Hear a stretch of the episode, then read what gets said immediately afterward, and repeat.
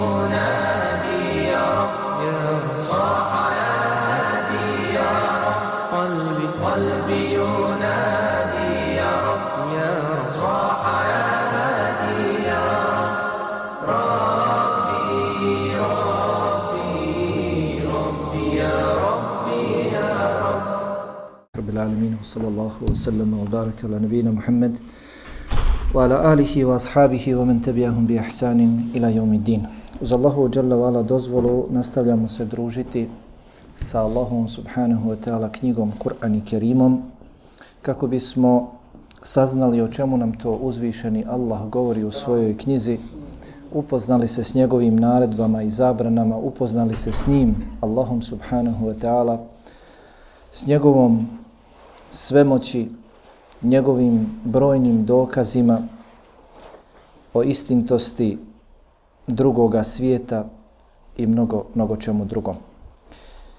Odabrali smo eto da se družimo sa zadnjim džuzem iz Kur'ana Kerima, jer je to džuz u kojem se Allah najviše obraća čovjeku. I to je džuz koji u sebi, dakle kao što vam je poznato u Kur'anu, postoji ha, koliko džuzeva? 30 džuzeva po 20, svaki džuz ima po 20 stranica, 114 sura, 30 džuzeva po 20 stranica. Dakle, u ovom džuzu, džuzu Amme, na tih 20 stranica spominje se petina kuranskih tema. 120 tema se spominje u džuzu Amme. Pet puta više se, dakle, spominje u svom ostalom, jeli, Kur'anu. Dakle, ovih 20 strana obrađuje 120 tema. A cijeli Kur'an obrađuje, dakle, čuli ste koliko? Nešto malo manje. Nije 600, ali manje. U ovom džuzu se Allah subhanahu wa ta'ala direktno najviše obraća čovjeku. Najviše spominje dokaze svoje svemoći. Najviše govori o proživljenju. Najviše spominje detalja sudnjega dana. I istintosti dakle, proživljenja, dokaze spominje. Tako dakle, da onaj koji želi da učvrsti svoj iman, svoje vjerovanje, neka ponajviše čita džuz amme, međutim, je li sa razmišljanjem, da čita, izučava i proučava džuz, džuz amme. Za večeras imamo suru El Glašije. Često se kratko kaže El Glašija. Ova sura, kako smo evo sada čuli, 114 sura imamo u Kur'anu, ova sura El Gašija, po redoslijedu kur'anskih sura, dakle od početka prema kraju, je 88. sura u Kur'anu. Koji imaju pred sobom mushaf mogu vidjeti da prije ove sure dolazi sura El-A'la, sebi hisma rabbike El-A'la, a posle nje dolazi sura El-Fajr, čiji smo komentar slušali prošle, prošle sedmice. Kao što vidite, sura se sastoji iz 26 ajeta u suri El-Gašije nalazi se 26 ajeta.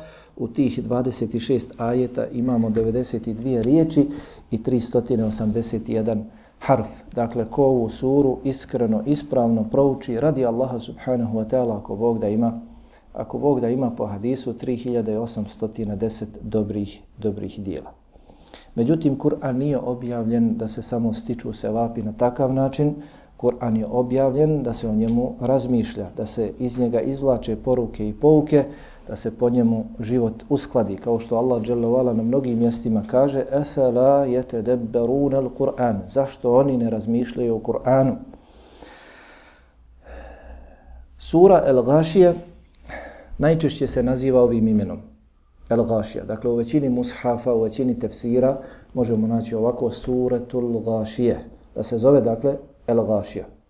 I dobila je ime po istoj riječi koja se spominje u prvom ajetu. Vidjet ćemo dakle šta ona, je li doslovno, šta znači. U hadijskim izvorima, kod imama Buhari, imama Muslima, imama Malika, Umuveti, ime za ovu suru se koristi cijeli prvi ajet. Hel etake hadithul gašije. Imam Buhari u svome sahihu, u knjizi o tefsiru, kada govori o ovoj suri, imenovao ju je po cijelom prvom ajetu hel etake hadithul gašije. U pojedinim tefsirima skraćeno ova sura je dobila ime hel etake samo. Jeli, kako obilježi Ibn Atije u svom tefsiru el Muharrarul vajiz. I ova sura je po jednoglasnom mišljenju učenjaka i komentatora Kur'ana mekanska. Nema razilaženja, jeli? Ona je mekanska i prenosi se od Abdullaha ibn Abbas radijallahu anhuma da je rekao kako je ova sura hel etake objavljena u Mekki. Dakle, kada se kaže da je sura mekanska, onda očekujemo imanske poruke, onda očekujemo, jeli, poruke i ajete koji govore o vjerovanju u Allaha, vjerovanju u drugi svijet, najčešće. Poznato nam je tako da je poslanik Alihi Salatu sam ove sure učio ponekada, gdje, kada? Učio je na drugom rekatu džume namaza. Na prvom, ajetu bi, na prvom rekatu bi učio sebi hisma rabbike a na drugom rekatu bi učio hele etake hadithu lagašije. Jeli, slično i kod Bajram, Bajram namaza. Glavni cilj sure El-Gašije, Dakle, sura Al-Gašija kao i svaka druga sura ima brojne cilje. Međutim, koji je glavni cilj? Srž sure. Šta se najviše poručuje ovom surom? E, koju najveću poruku možemo izvući iz ove sure? Dakle, kada bismo birali od svih tih poruka koje ćemo možda čuti, najbitnija šta je? Sura Al-Gašija želi da nas podstakne na razmišljanje o Allahovim znamenjima, stvaranjima, dokazima oko nas. Da razmišljamo o njima i ubijedimo se, ubijedimo toliko da to ostavi traga na naš život. Svi mi govorimo da vjerujemo, svi mi govorimo da smo ubijeđeni, međutim, nije istina ono što jezik kaže, već je istina ono što čovjek svojim dijelima pokazuje i dokazuje. To je jer hoće čovjek slagat, hoće jezik reći pogrešno, ali ono na čemu čovjek ustrajava u toku svoga života, to je. To je ono u što čovjek vjeruje i u što je ubjeđen. Pa dakle, ova sura ima glavni cilj da postakne sve nas, da postakne ljudske duše, da promatraju Allahova znamenja, Allahove dokaze, te da se ubijede u Allahovu svemoć, da nas je Allah kadar proživjeti sve i da će nas zasigurno proživjeti sve i izvesti pred sebe da nas obračuna za svoja djela. Da nas obračuna za svoja naša djela koja smo činili te nagradi i kazni. Sve to ima za cilj da se naša srca na dunjaluku ispune strahopoštovanjem, ljubavi prema Allahu subhanahu wa ta'ala, da se povratimo Allahu dželle i da se pripremamo za ovaj sudnji dan. Sura odpočinje sa govorom o sudnjem danu i završava s govorom o sudnjem danu. I između sve govori o tome. Opisuje se stanje jedni i stanje drugi. Tematika, dakle, sadržaj ove sure vidjet ćemo ako Bog da detaljnije kroz komentar. Odmah, dakle, sura ima 26 ajeta. U prvom ajetu spominje se sudnji dan na poseban, upečatljiv način. Zatim šest ajeta sljedećih govori o nevjernicima i njihovom stanju na sudnjem danu određeni opisi. Zatim devet ajeta govori o vjernicima i njihovom uživanju na drugome svijetu. Zatim preostalih koliko šest ajeta. E, zatim dolaze četiri ajeta koji govore o Allahovim posebnim znamenjima koje je dao ovdje oko nas i najbliža nama zemlja po kojoj hodimo, nebesa u koja gledamo, planine koje vidimo, izdižu se iznad svega drugoga i ono što je bilo svojstveno Arapima, što je bilo njima najbliže, spomenute su deve i to je bio, kao što ne poznate, ali tako iz hadisa, da Allah tvojim sebebom uputi samo jednog čovjeka, bolje ti je od blaga crvenih deva. Kod Arapa su deve bile najveći, najbolji imetak.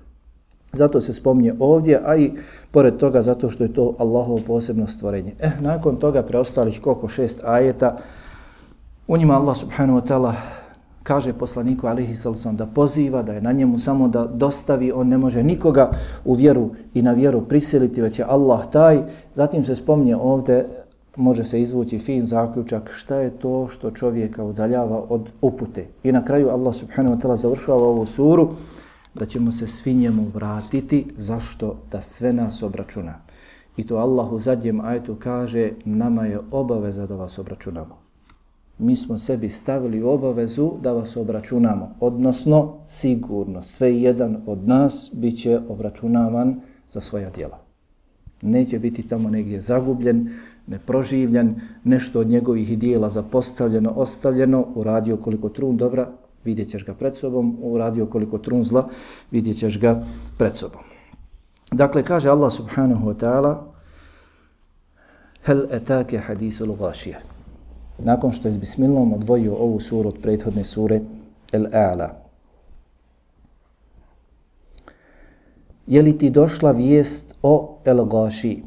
Ovaj ajet prvenstveno je objavljen i usmjeren poslaniku alihi salatu wasalam. Ovim ajetom se prvenstveno Allah objavlja, o, o, obraća vjerovjesniku svome, Muhammedu alihi salatu wasalam, ali nakon njega svima. Nakon njega svima. Kogod bude čitao, kogod bude slušao, neka zna da se ovaj ajet odnosi njemu, na njega. Hel etake hadithul gaši. Jel ti došla vijest o el gaši? Šta je el gašija? Prije svega jezičko značenje ove riječi jeste dakle, imali smo wal lejli iza jagoša i tako mi noći kada sve prekrije. Gašije jagša, dakle glagol ima značenja potpunog prekrivanja. El gašija, dakle dolazi, to je njen korijen.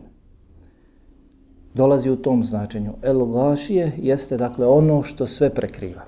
Međutim, kažu komentatori, ovaj termin na ovakav način ima značenje onoga što ljudi preziru, što ljudi ne vole, što je ljudima tegobno.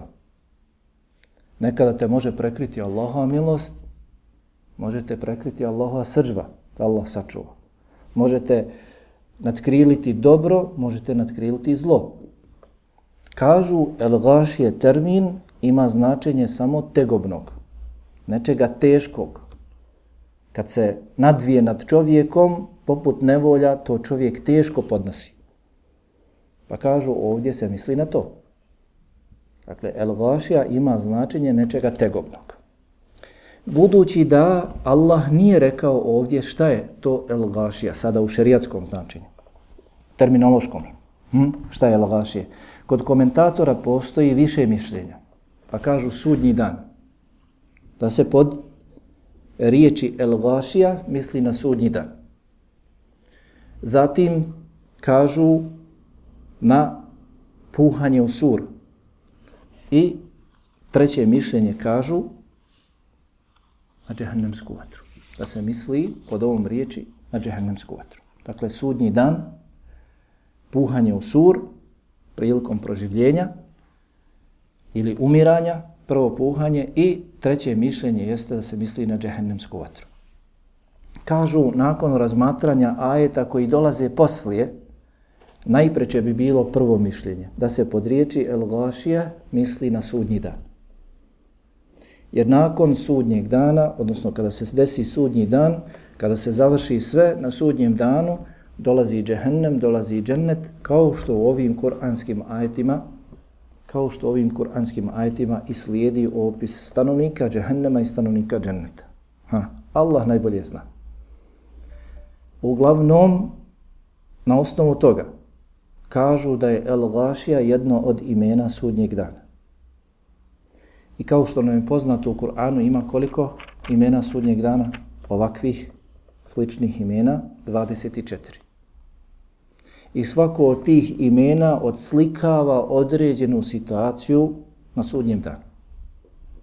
Pa dakle, ime El Gašija govori da će sudnji dan biti tegoban za sve.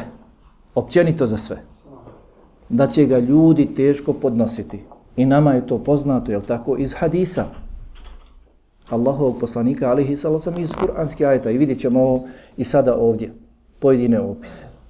Poznato nam je, tako, kada se desi sudnji dan, kada ljudi budu proživljeni, da će uglavnom većina svi biti prestravljeni i najbolje o tome govore riječi, ha, poslanika koji će govoriti za sebe selim, selim ili nefsi, nefsi, samo da se ja danas spasim.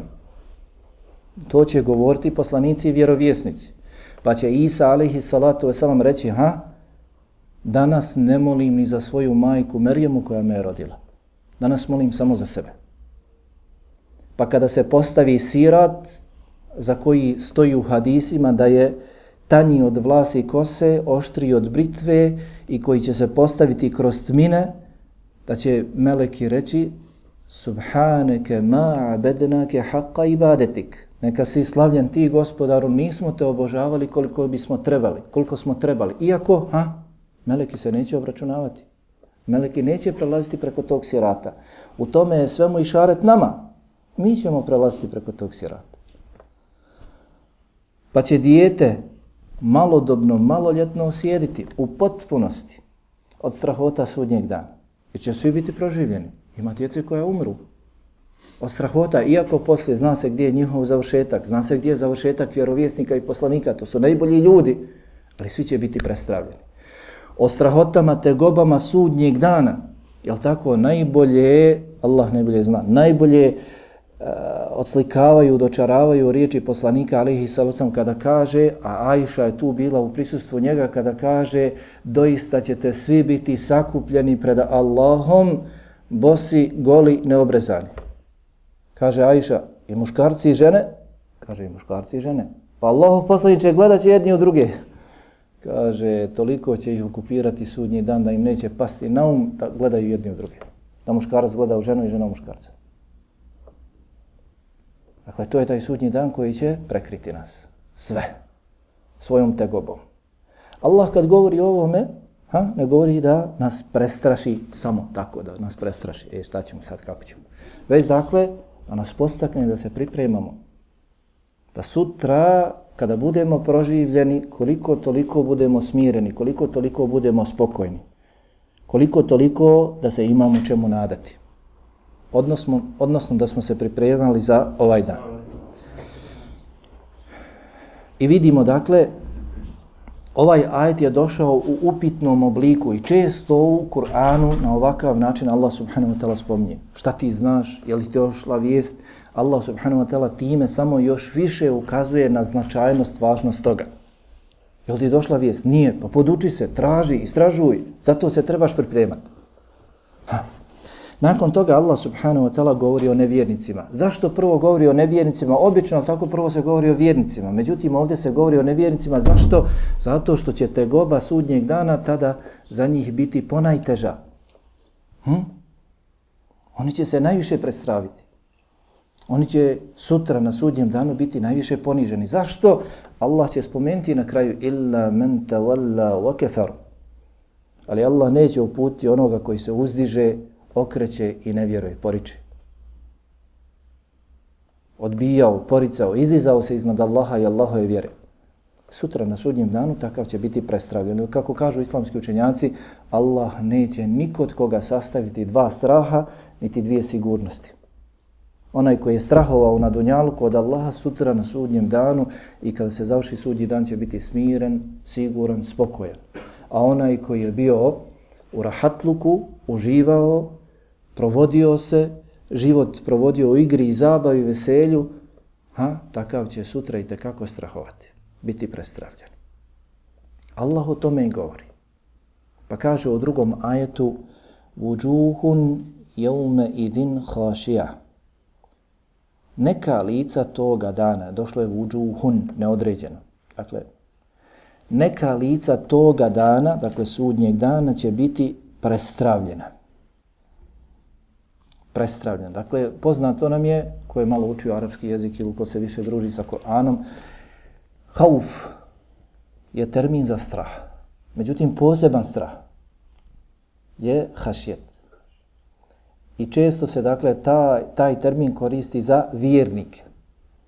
Međutim, za vjernike na Dunjaluku. Na Dunjaluku je trebao biti taj hašjet. Hm. Pa se spominje uz vjernike. Sutra se spominje uz nevjernike, ali nema nikakve koristi sutra. Odnosno, time se išareti ovo stanje u kojem ste sada na sudnjem danu, o nevjernici, trebali ste u takvom stanju da budete na dunjalku. Niste, sada ste ovdje u takvom stanju, zato što niste bili na dunjalku. Dakle, bit će prestravljena, odnosno ponižena kako suri Sejde Allah subhanahu wa ta'ala spominje da će biti oborenih glava. Kaže Allah dželle u suri Sejde 12. ajetu: "Velau tara idil mujrimuna nakisu ru'usihim 'inda rabbihim rabbana absarna wa sami'na farji'na na'mal salihan inna muqinun."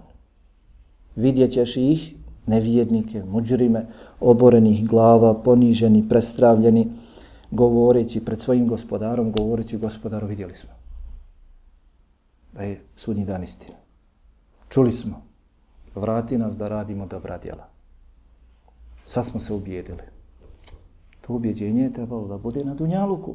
Allah je davao mnoge svoje dokaze, znamenja, slovo poslanike sa knjigama i također u nama i oko nas spominjao, navodio, davao znamenja svoja i dokaze svoje svemoći. Nakon toga kaže amiletun nasibe, koja će biti premorena, napaćena, bit će prestravljena, preplašena, izbezumljena, ponižena i bit će premorena, napaćena. Pojedini komentatori kažu da se ovi ajeti odnose i na nevjernike na Dunjaluku ili ljude koji su radili nešto, međutim nije bilo od vjere kako treba.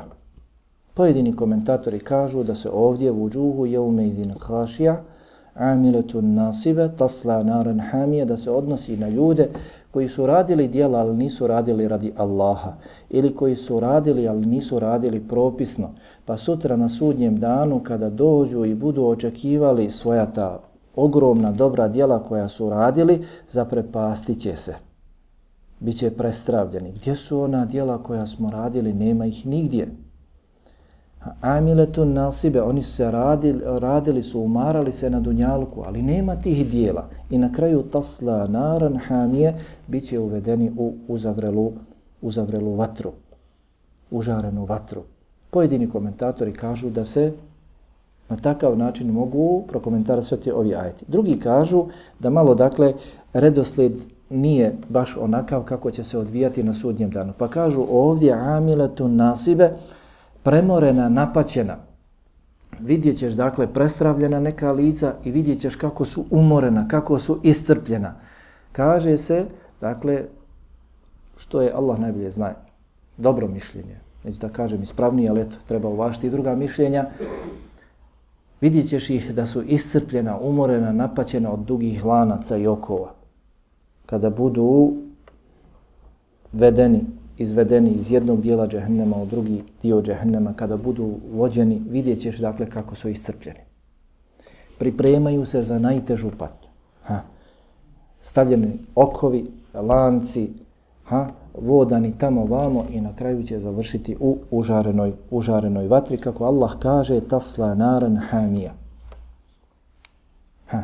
Na kraju će završiti u užarenoj vatri. Vatri koja doslovan prijevod koja sve spali, koja maltene sve ugljeniše. Zatim Allah subhanahu wa ta'ala spominje, nakon što je spomenuo njihovo stanje, njihov, njihovo mjesto boravka, spominje jelo i piće. Nigdje ne možeš samo tako da budeš, da živiš bez jela i pića. Iako je ahiretski život vječan. I Allah je mogao da učini i stanovnicima dženneta i stanovnicima džehennema da žive tak tako. Međutim, želi da stanovnicima dženneta poveća njihovo uživanje i blagodati sa jelom, pićem i ostalim, a također stanovnicima džehennema da poveća njihovu kaznu.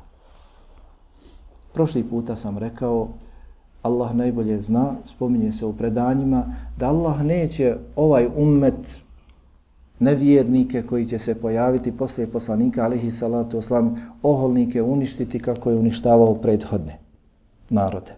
Ali zato Allah kaže hasbuhum džehennem, dovoljan im je džehennem. Dosta im je džehennema. To što se provode, što se iživljavaju. Dosta im je džehennem. Pa Allah subhanahu wa ta'ala posle spominje ovdje u ovoj suri jelo i piće. Boraviš, moraš da jedeš i da piješ. Pa kaže tusqa min aynin anije. Ta prestravljena, izbezumljena, napaćena, umorena u džehennemu kada budu boravili, bit će pojeni. Biće pojeni, dakle, htjeli, ne htjeli, ima da piju. Pogotovo kada vide, kako u suri, jel tako, El Kef, spominje se da će zatražiti. Kaže Allah subhanahu wa ta'ala وَإِنْ يَسْتَغِيثُوا يُغَاثُوا بِمَاءٍ كَالْمُهْلِ يَشْوِ الْوُجُوهِ بِئْسَ شَرَابِ وَسَاءَتْ مُرْتَفَقَ Ako zatraže za pomoć, ako zatraže da im se donese vode, donijeće im se vode. Tražite usluga brza, odma, nema čekanja. Međutim, kaže se u tefsiru da će doći sa vodom sa dna džehennema. Kel muhl poput rastopljene kovine. Ješvil vuđuh. Spašće lice, spašće meso s lica. U potpunosti. Samo kada zebanije čuvari džehennema i posluga, usluga u džehennemu, kada im primakne tu vodu sa dna džehennema. Tražili ste da pijete, pijete. Tusqa min aynin anije, piće dakle sa uzavrelog vrela, piće vodu. Nakon toga Allah subhanahu wa ta'ala spominje hranu. Lejse lehum ta'amun illa min darija. Ovdje Allah subhanahu wa ta'ala spominje jednu vrstu hrane. Kao što nam je poznato, ali tako, na drugim mjestima spominju se druge vrste. Spominje se plodovi stabla, za kum u suri Duhan i drugo. Pa kaže ovdje, tada neće imati drugog. Dakle, ti, ta skupina nevjernika, neće imati druge hrane osim darija. Dari, kako je kod nas prevedeno, trnja. Spominje se od brojnih šta se misli. Kažu, to je jedno rastinje koje kad se osuši ima izgled trnja i još na to otrovna je. Ružnog je izgleda, kada se sasuši, postaje otrovno, trnovito je, kažu, toliko da životinje bježe od toga. Dakle, na Dunjalku postoji takvo trnje. Allah najbolje zna, kako kaže Ibn Abbas, u pitanju su samo imena. Dakle, isto su samo imena, a ne može se, dakle, e, ukus i ostalo porediti. Samo u poređenju su imena. Ali na Dunjaluku postoji takva biljka, takvo rastinje, kažu komentatori, životinje bježe od takvog rastinja. Gorko, trnovito, trnje. Zamisli trnje da jedeš, da stavljaš u svoju utrobu. Kaže Allah, lejse lehum ta'amun, neće imati druge hrane illa min darije, osim tog suhog trnja kaže, opisuje ga la yusminu wala yugni min ju. Ne može udebljati, niti može imalo zasititi. Ne može zasititi glad. Biće gladni i to je također jedan vid kazne, azaba. Biće žedni i to je također jedan vid kazne, azaba. Da će im se hrana, morate da jedete. Pa će se početi gušiti, pa će im to trnje da zastane u grlu, da im izjede stomak, izbode stomak, pa će im se doći sa ovakvom, ovakvom kapljevinom, da Allah sačuva. Dakle, iz ovih ajeta možemo zaključiti da sudnji dan je istina i njegove strahote su istina. I to ne zaključujemo i ne spominjemo i Allah o tome ne govori da se prepadamo, već da se pripremamo za sudnji dan. Vidimo dakle jedno od imena sudnjeg dana je El Gašija ljudi će na sudnjem danu biti podijeljeni u dvije skupine, sretne i nesretne. Oni koji će uživati i oni koji će se patiti, oni koji će zadobiti ponos sutra kod Allaha subhanahu wa ta'ala biti na posebnom mjestu kako ćemo čuti sada ako Bog da i oni koji će biti poniženi. Pa vidimo dakle u ovim kuranskim ajetima kojima sve vrstama kazne će biti nevjernici, nevjernici izloženi. Zašto? Zato što nisu bili vjernici na Dunjalku, nisu bili skrušeni pred Allahom na Dunjalku, nisu bili ponizni pred Allahom na, na Dunjalku, to i sve čeka sutra na Ahiretu. Iz čega se može zaključiti? Kako budeš radio, tako ćeš, tako ćeš i zaraditi. Zatim, nakon toga, Allah subhanahu wa ta'ala spominje stanje vjernika. I to je obično kuranski metod kada Allah govori o jednima, govori obavezno i o drugima, da ti koji slušaš, ti koji čitaš Kur'an, odabereš za sebe. Od koje skupine hoćeš da budeš. Međutim, nije to samo ja hoću da budem od ovih, a neću da budem od ovih, nije to samo na jeziku, već dakle to treba čovjek nakon što sebi odluči i postavi cilj da ide ka tom, ka tom cilju. Allah slično kao i kod prve skupine kaže uđuhun neka lica jeume idin naime toga dana će biti radosna. Toga dana će biti radosna. Dakle, kada se nevolja nadvije nad svim ljudima, ipak neka lica će biti radosna. Moći će nazrijeti ako Bog da svoj konačni završetak. Kao što Allah subhanahu wa ta'ala na drugim mjestima govori o licima vjernika ta'rifu fi vujuhihim nadratan na'im kako stoji al tako u suri al, al mutafifun ti ćeš vidjeti na njihovim licima radost. Zašto se spominju ovdje i u prethodnoj skupini lica? Zato što se radost ili žalost ha uživanje ili patnja najviše i najbolje može primijetiti na na licu. Pa će kaže Allah subhanahu wa ta'ala li sa'iha radije ti koji će biti radosni ti koji će biti razdragani toga dana, oni će biti zbog čega radosni? Lisaiha radije, zato što će svojim dijelima biti zadovoljni. Kojim dijelima? Dijelima koja su radili na Dunjalu.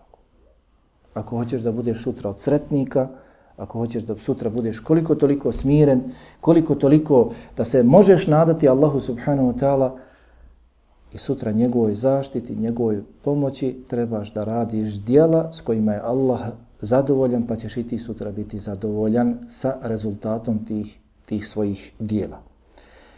Gdje će biti, kao što je spomenuo tamo, ta slanaran hamije, bit će u vatri, užarenoj vatri, ovdje kaže za vjernike, fi džennetin alije, bit će u uzdignutom, ovdje je prevedeno izvarednom džennetu, svakako da je izvarendan, međutim u uzdignutom džennetu, u visokom džennetu, u skupocijenom džennetu, u nečemu što je visoko, što je nešto, nešto posebno. Jer je džennet posebna roba kod Allaha subhanahu, subhanahu wa ta'ala. La tesmeu fiha lagije. Pogledajte, Allah subhanahu wa ta'ala kaže u njima neće čuti ni lošu riječ. U džennetima vjernici kada uđu u džennet, kada uđu u džennetske bašće, neće čuti ni lošu riječ. A kamo li nešto drugo da dožive? Iako i loša riječ, ha, može čovjeka možda više povrijediti nego nešto što bi čovjek rekao da je teže od toga, udarac ili uzurpiranje prava i ostalo. Možda te neko sa riječi više povrijedi. Vjernicima ne padaju baš lahko riječi. Kaže se, jel tako, neka ti budu ista i hvala i ukor, mada to nije te lahko stvariti, jel tako? Vjernik bi trebao da se ponaša da mu je svejedno da li bio koren, grđen ili dakle bio hvaljen. Nije to baš tako lako. Riječi ostavljaju ipak traga na čovjeku.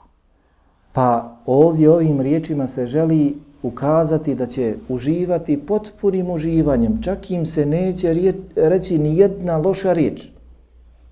La tasma'u fiha ladije. U džennetu neće čuti ni jednu lošu, lošu riječ. Ha, već je dakle čuti se samo spominjanje, veličanje Allaha subhanahu wa ta'ala. Fiha aynun jarije. U džennetu će biti izvori koji teku i rijeke koji teku. teku. To neće biti samo tamo negdje, ne, već će to biti dato vjernicima na uživanje. Vjernici će imati sa sobom te rijeke.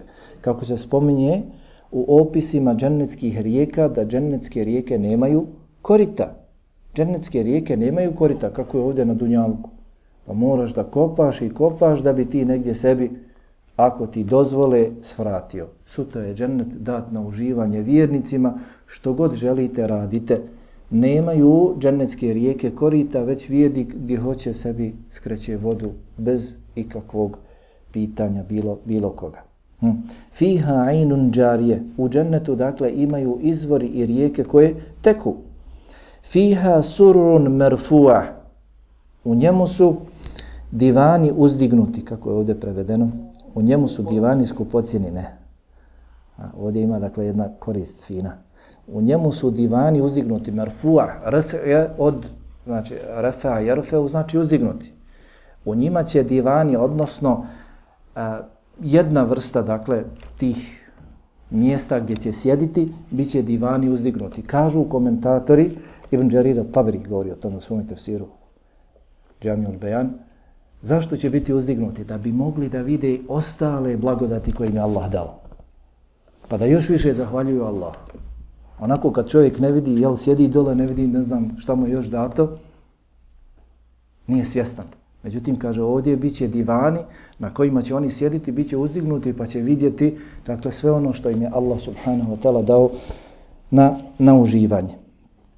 Kaže se, kada, tako stoji u tefsirima, kada budu htjeli da siđu i da idu, spuštaju im se divani, poput ha, liftova. Spuštaju se, idu. Hoće da opet sjedu, do, dolaze divani i dižu se. Tako stoji. Wa akvabum mawdu'ah Dakle, i sve ovo dato na uživanje. Ne spominje se samo tamo negdje će u nekoj zavi, u nekom ćošku to biti gotovo. Ne, nego u tome će uživati vjernici, koristit će to. Wa akwabu mawdu'a i pehari, velike čaše. Kub je čaša, povelika čaša. Kesun je obična čaša, ha, ono što pijemo sad sa okoje. To u arapskom jeziku koristi se termin kes. Ali kub, dakle, velika baš ovako kako je prevedeno pehar. Povelika čaša. Biće postavljeni. Ha, prazni, ne, puni. Puni pića Koje hoćeš piće da piješ. Tebi na izbor. Nema, dakle, ni sekunde, ni trenutka čekanja, tražiš, pa čekaj da ti se donese i ostalo. Ne, već je, dakle, stavljeno na tebi raspolaganje 60-70 godina vrijedi a, žrtvovati, dati za ovo. I kako. A, dato ti je na raspolaganje da koristiš kako hoćeš. وَنَمَارِكُ مَصْفُوفَ I jastuci će biti poredani. Dakle, jastuci na koji se čovjek nasloni od svile i drugog, drugog materijala. Vazara biju mebthuse. Ko neće da sjedi na divanima, bit će ćilim i prostrti za sjedenje. Ne misli se ćilim za hodanje, poput ovdje crvenih ćilima. Ja. Ne, već dakle ćilim za sjedenje. Ko hoće da sjedi, dođe neko u posjetu, hoće da sjedi, sjedi dole na ćilimu. Dakle, sa ovim ajetom Allah subhanahu wa ta'ala deveta ajeta završava kratko govor o vjernicima i njihovim uživanjima u džennetu. Pa možemo dakle vidjeti iz ovih ajeta da će lica vjernika na sudnjem danu vjernika, Nema dakle licemjera, nema dakle koji će se moći pretvarati toga dana. Sutra je hakika, sutra je stvarnost, sudnji dan. Kada se desi, nema više pretvaranja, nema čovjek više to kudreta mogućnosti da se da se pretvara. Već lica, samo lica vjernika će na sudnjem danu biti sretna. Zašto? Sve to, dakle, rezultat sreće, rezultat nesreće, e, ne znam, razdraganosti, potištenosti djela iman i dijela na dunjaluku. Ako si imao imana, ako si imao dobrih dijela na dunjaluku, bit ćeš sretan. Bićeš zadovoljan. Nisi imao dijela, gotovo je. Sam, kako kažu, ti si onaj Boga mi koji diktira melekima šta će meleki zapisati. Šta će se sutra pred Allaha donijeti i šta će se sutra pretvoriti u, u dijela, dati oblik i vagati. Ti si odabrao da budeš takav. Na sudnjem danu vidimo, dakle, nakon sudnjeg dana, kad se završi sve to, vjernici će ući u džennet i uživati u svim ovim džennetskim, džennetskim uživanjima. U džennetu neće ništa biti loše, ništa, nema nikakvog nedostatka, manjkavosti, pa čak, dakle, da se čuje i loša riječ, toga neće biti. Zato se kaže da je jedno od imena dženneta Darus Selam, kuća mira. Kuća mira. Nema, dakle, da te neko uznemiri bilo čim, čak, dakle, ni riječi, ni riječi. Sve ovo što je prethodilo ima za cilj da nas postakne da radimo za džennet. Da radimo za džennet. Neki ljudi se podstiču ka Allahu, da idu ka Allahu tako što se zastrašuju. A nekim ljudima trebaš jeli, navesti nagradu, sevap, nešto lijepo da bi ga podstaknuo. Zato Allah govori o jednome i o drugome. Nakon toga, spominjanja sudnjeg dana i njegovih tegoba, zatim stanovnika džehennema i stanovnika dženneta, Allah subhanahu wa ta'ala spominje određena svoja znamenja, dokaze svoje svemoći, na Dunjaluku da bi ukazao na svoju svemoć sutra na sudnjem danu. Da je kadar zasigurno, bez imalo sumnje, da sve nas izvede pred sebe. I da nas sve obračuna. Kako često spominjem riječi Ibn Abasa kada je bio upitan kako će Allah sve ljude proživjeti na sudnjem danu, sve od prvog do zadnjeg, sve izvesti pred sebe, kaže isto kao što ih svakog dana hrani. Allah sve ljude, sve, sva stvorenja, ne samo ljude, hrani, obskrbljuje. To je on sebi stavio i svoje dobrote u obavezu da ih hrani, tako isto će Allah subhanahu wa ta'ala pred sebe ih izvesti. Pa dakle, spominje četiri svoja znamenja. Spominje deve, stvaranje deva, pa kaže Allah subhanahu wa ta'ala Efela ila ilal ibili kejfe hulikat. Zašto oni? Sura je mekanska. I obično, dakle, time se prvenstveno upućuje govor nevjernicima. Zašto oni? Jer ovi ajeti su, dakle, dolazili od strane vjerovjesnika, ali hisalo sam dolazili su do nevjernika, oni su slušali ajete. Efela janzurune ilal ibili kejfe hulikat. Zašto ne pogledaju u deve? Kako su stvorene?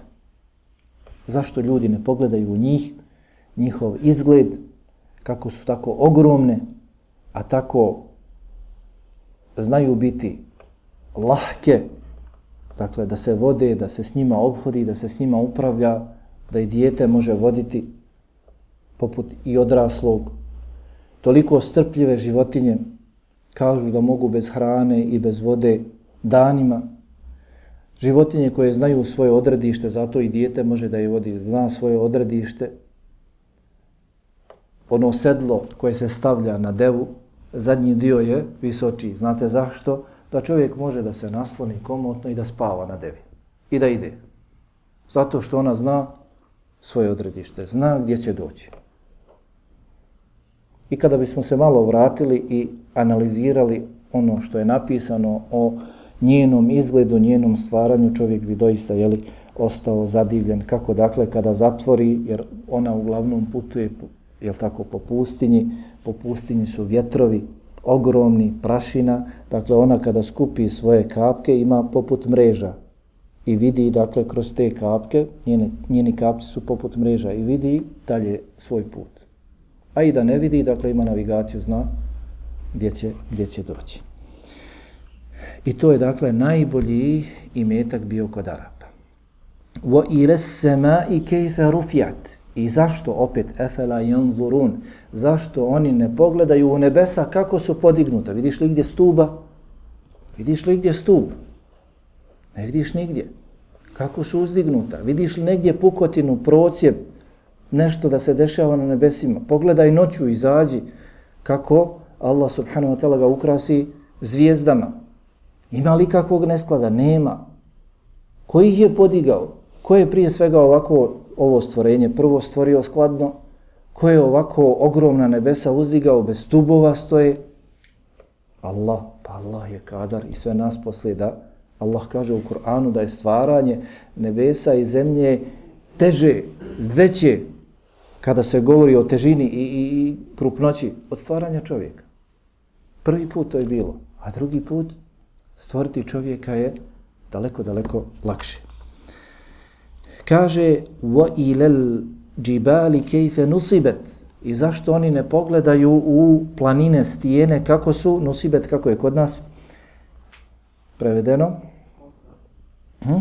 kako su postavljene. Međutim ova riječ ima značenje zabijene usađene. Zašto oni ne pogledaju u planine kako su one nepomične? Zašto su nepomične? Zato što su zabijene. I poznato je li da je dokazano da jedna trećina brda, jedna trećina planine je gore samo. Dvije trećine su dole. Allah je zato dao planine da njima učvrsti zemlju. Da bi nama zemlja bila pogodna za hodanje, stanovanje i slično. Zašto oni ne pogledaju te planine kako su one čvrsto zasađene, učvršćene u zemlji i koristimo se tim planinama. Putujemo, odmor, turizam, rekreacija, rukovodimo se njima, ne znam, orijentišemo se prema njima, mnogo šta. Neki stanuju i slično. Wa ila al-ardi kayfa sutihat? I zašto oni ne pogledaju u zemlju kako je ona učinjena, kako je prostrta, kako je učinjena pogodnom za kretanje, za stanovanje. takva kakva jeste danas, a omogućeno je da hodimo po njoj. Sve je to Allah dao. Pa onaj koji je to sve učinio, on je kadar, bez imalo sumnje, da nas izvede tog teškog dana pred sebe.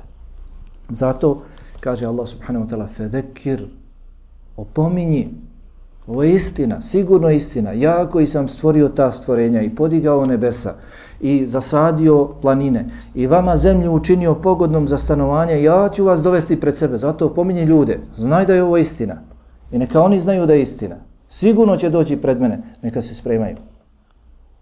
Fedekir, opominji, naredba je ovdje došla.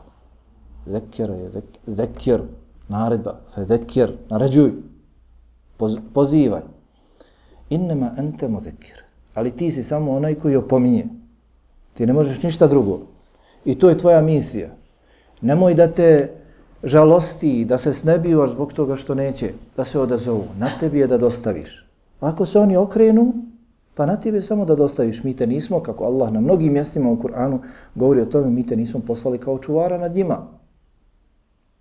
Da je mogao nekoga uputiti, poslanik alihi salatu oslam bi uputio svoga Amidžu Ebu Taliba, međutim otišao je koji ga je toliko, je tako, pomagao od osme godine. Osme godine Allahovog poslanika alaihi sallam, njegove osme godine dječačić, do smrti svoje Amidža Ebu Talib ga je pomagao u Mekki. Poslanik alaihi sallam, doživio 40. u Mekki postao poslanik. Dakle, 40. godina bio uz njega. Štitio ga, branio ga, hranio ga, preuzeo svu brigu, donjaločku na sebe. Ali nije prihvatio islam. Poslanik Alihi sallam zasigurno bi najviše volio i govorio je samo reci, samo jednu reci la ilaha illa da se imam zašto zauzimati za tebe kod Allaha. Pa nije. Nije mogao. Zato je Allah objavio inneke la tehdi men ahbeb walakin Allah jehdi me ješa. Ti ne možeš uputiti koga bi ti volio da bude upućen. Allah je taj koji upućuje koga hoće, odnosno koje, koje za upute.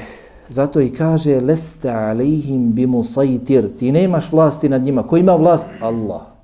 Odnosno, Allah je taj koji upućuje. On će uputi koga hoće. Ti nemaš vlasti te. Zato kažemo, Zato kažemo ihdina sirat al mustaqim. Sačuvaj nas na pravom putu. Ihdina sirat al mustaqim ima značenje sačuvaj nas na pravom putu. To nekoliko je li puta danas učimo Allahu subhanahu wa ta'ala jer jedino nas on može sačuvati na pravom putu. Niko. Ihdina sirat mustaqim kod nas se najčešće prevodi uputi nas na pravi put. postoje dvije vrste upute, dakle da te neko uputi, da ti neko ukaže koji je pravi put i da te neko sačuva na pravom putu. Uputiti nas na pravi put, ukazati nam na pravi put mogu mnogi, ali održati nas na pravom putu samo Allah. Pa je potpunije značenje sačuvaj nas na pravom putu. Pomozi nam da ostanemo na pravom putu. Pa kaže, leste alihim bi musaitir, ti nemaš nikakve vlasti nad njima, odnosno Allah želi da poruči, ja sam taj koji upućuje koga hoće. Ja ću uputiti svakoga ko bude htio, illa menta wallahu kefar. Ali, ovdje, dakle, nije tako prevedeno, nema ono illa, illa znači osim, izuzev. Ovdje, dakle, toga nema. Ovdje je rečeno, a onoga koji glavu okreće. Illa men tavalla wa kefar. Ali onoga, uh, izzev onoga koji okreće glavu i ne vjeruje, poriče, dakle oholi se, neće uopšte da sasluša. To je dakle dokaz da oholost je prepreka uputi. Oholost je prepreka uputi. Da čovjek bude na uputi i da bude ohol, to je dvoje ne spojivo. I onaj ko je na uputi u ovom ajetu je šaret koga je Allah uputio da se ne poigrava, već da bude ponizan, Što god mu dođe iz Kur'ana i sunneta, tako je. Allah rekao, rekao poslanik sallallahu alaihi sallam, završeno. Da on nekakve svoje stavove donosi, da on nešto, e, imam ja, nemaš ti pravo. Ti imaš pravo da se pokoriš. Ako hoćeš, da sutra budeš radostan. Da sutra ne budeš, kako je rečeno, ha, da će neka lica sutra biti ponižena, prestravljena, prestrašena. takvog fe yu'azzibuhu Allahu al-azab al-akbar takvog dakle onoga koji okreće glavu koji poriče koji negira njega Allah neće uputiti na dunjaluku i na drugom svijetu će ga kazniti najvećom najvećom kaznom dakle džehennemom. Zatim kaže Allah subhanahu wa ta'ala inne ilajna iabehum. Kada će se to desiti? Inne ilajna iabehum. Zasigurno je povratak kod nas. Dakle, onda kada se vratite nama. Kaže Allah inne ilajna iabehum. Nama, nama će se oni, ljudi, zaista vratiti. I sve ovo bit će tada, kada se vratimo Allahu, kada bude proživljenje. Thumme inna alejna hisabahum. Kada se vratimo Allahu, nećemo tek tako biti vraćeni i ništa, ne, već dakle treba sviditi nam se račun. Kaže Allah, thumme inne, a zatim doista alejna, u arapskom jeziku kada dođe ala, ima značenje obaveze. Pa bi ovaj ajet se preveo i doista nama je obaveza da ih obračunamo. Doista će se oni nama vratiti, svi ljudi, i nama je obaveza da ih tada obračunamo. Dakle, zasigurno svi ćemo biti pitani za svoja dijela, odnosno obračunavani. Naša dijela će se vagati. Doći ako Bog da kasnije sure koje govore ko će lahko položiti račun, a ko će teško položiti račun. Kada je poslanik Alihi Salocam učio te ajete, a to je ajet u suri Elin Šiqaq, فَسَوْفَ يُحَاسَبُ حِسَابَ يَسِيرًا i on će lahko položiti račun. Poslanik Alihi Salatu Wasalam je govorio da će ljudi biti pitani, pa je rekao ko bude na sudnjem danu pitan, ispitivan za svoja dijela, taj će propasti. Pa kaže Ajša, Allahu poslaniče, zar Allah nije rekao da će biti oni koji će lahko položiti račun, kaže to se ne misli na obračun pod riječi hisab, ovdje ne misli se na obračun, već se misli samo na izlaganje. Da dođeš pred Allaha sa svojom knjigom i da ti se otvori knjiga i kaže Allah, robe, uradio si to i to. Ti kažeš, jesam. Robe, uradio si to i to. Jesam. Da priznaš svoje grijehe. A ko će biti ispitivan? Onaj koji neće priznati svoje grijehe. Pa će se tražiti svjedoci. Pa će tražiti se da dođe ovaj, da dođe onaj, pa će čovjek odbiti sve te svjedoke, kaže gospodaru, hoću ja za sebe da svjedočim, ja nikoga ne prihvatam od njih, pa će Allah zapečatiti njegova usta, pa će početi ruke da govore, noge da govore. Dakle, odužit će se obračun s takvim i kaže poslanik, ko bude ispitivan, taj će propasti. Ko bude ispitivan, provjeravan. Dočim vjernik će prihvatiti, jeste Allah, uradio sam to, uradio sam to, jesam, uradio sam, pa će Allah reći, na dunjaluku sam ti sakrio, Nisu drugi znali. Sada te pitam o dijelima za koja drugi nisu znali. Ja znam. Ti si to uradio, jesi uradio? Jesam. Danas ti opraštam. I tako će se brzo završiti račun sa, sa vjernikom. Dakle, iz ovih ajeta možemo zaključiti da ono što je spomenuto od Allaha i znamenja dokaza, da nas to postiče na Allahovu svemoć, i da nas to postiče da budemo ubijeđeni da je Allah dželovala kadar da nas sutra izvede i da će nas izvesti pred, pred sebe. Da budemo ubijeđeni i da druge pozivamo ka tom ubijeđenju fedekir innama ente muzekir. I da druge, hm, kao što volimo da i drugi, da mi uživamo, ako Bog da i da se imamo čemu sutra nadati kod Allaha subhanahu wa ta'ala, isto tako trebamo pozivati druge da se i oni mogu isto tako nadati. Vidimo iz ovih hajta da niko nema pravo da drugoga ugoni u vjeru. Da nema prisile u vjeru, već se dakle samo poziva. Ko prihvati u svoju korist je prihvatio, ko odbije na svoju štetu, na svoju štetu je odbio. Onaj koji se okrene, odbije, bude se uzdizao, oholio, Allah subhanahu wa ta'ala mu kaže da će ga kazniti džehennemskom vatrom. Ne osuđujemo mi, ne presuđujemo mi, ne kažemo mi ti si od ovih ili onih. Allah kaže ko se okrene, ko neće da sluša, ko se uzdiže, oholi, fe yu'adzibuhu Allahu l'adabel adabel akbar.